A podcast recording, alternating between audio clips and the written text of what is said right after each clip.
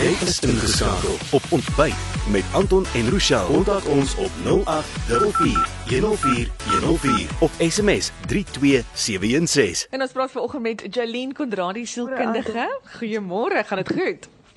Môre Rochelle, dit gaan goed, dankie. Ek hoop dit gaan met julle ook goed. Baie die naweek was 'n bietjie te kort vir my. Dis al wat ek het om te sê. Inderdaad. Ek stem.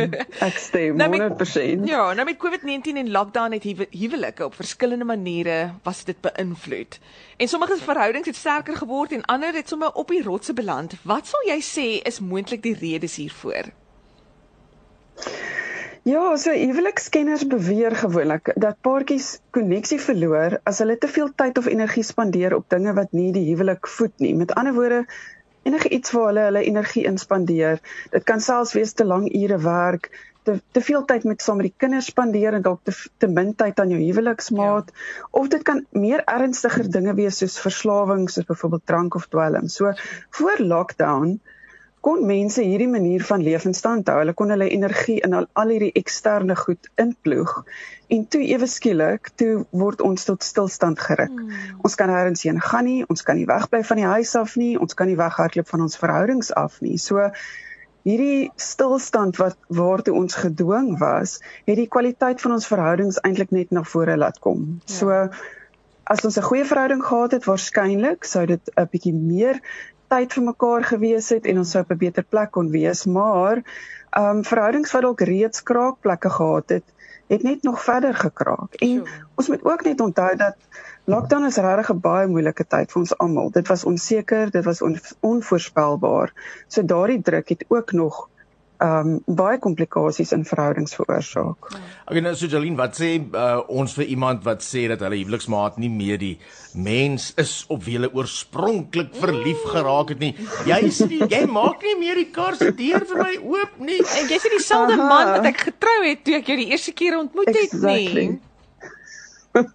Ja, presies. So dit is regtig 'n al- baie algemene klagte. As mense kom vir huweliksterapie, dan is dit baie wat hulle sê. So ehm um, ja, jy was altyd liefdevol, maar deesdae hou jy nie meer my hand vas nie Ja. of jy luister nie meer aandagtig vir my wanneer ek met jou praat nie.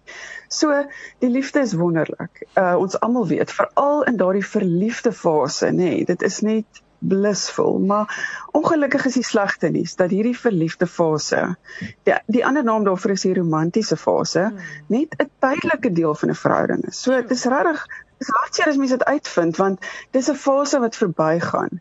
Ehm um, navorsing sê vir ons dit hou omtrent so 18 maande tot 2 jaar Wow. en dan beweeg ons na die volgende fase en daardie fase noem ons die magstryd. So, hoe lyk die magstryd?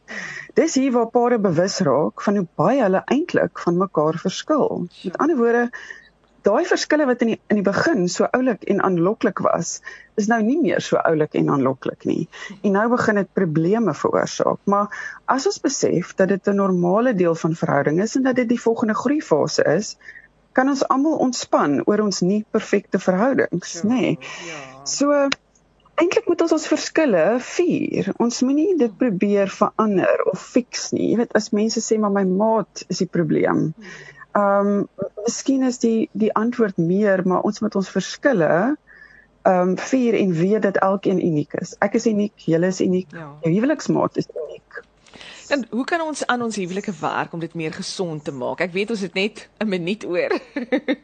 Hmm. so, Ja, so dit dit ja, dit kom neer op effektiewe kommunikasie, nê. Nee. So ehm um, ja, kan jy luister, kan jy goed effektief kommunikeer en dan Gary Chapman praat oor die five love languages.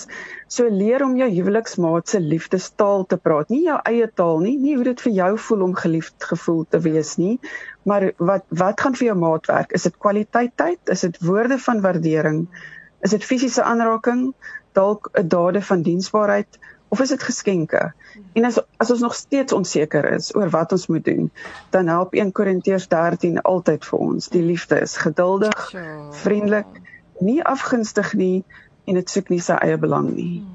Sjoe. En dis Jolien wonderlik. Conradie wat so gesels, sielkundige Jolien Conradie. Ek wil net sê soos hulle sê in Engels, marriage involves three rings. It's the engagement ring, Ja. the wedding ring and suffering.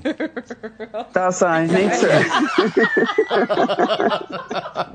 Ons hou nie van die laaste ring nie, okay? Glad. Dit is nie altyd maklik nie, maar dis ook deel van die proses, nê. Nee. Absoluut. Ja, so ons moet baie keer die suffering endure. Ja, Ja. sjoe. Baie dankie Jolien. Lekker dag hoor. Jou nommer 1 Christenstasie. Radio Tygerberg 104 FM. Ons verkondig Christus.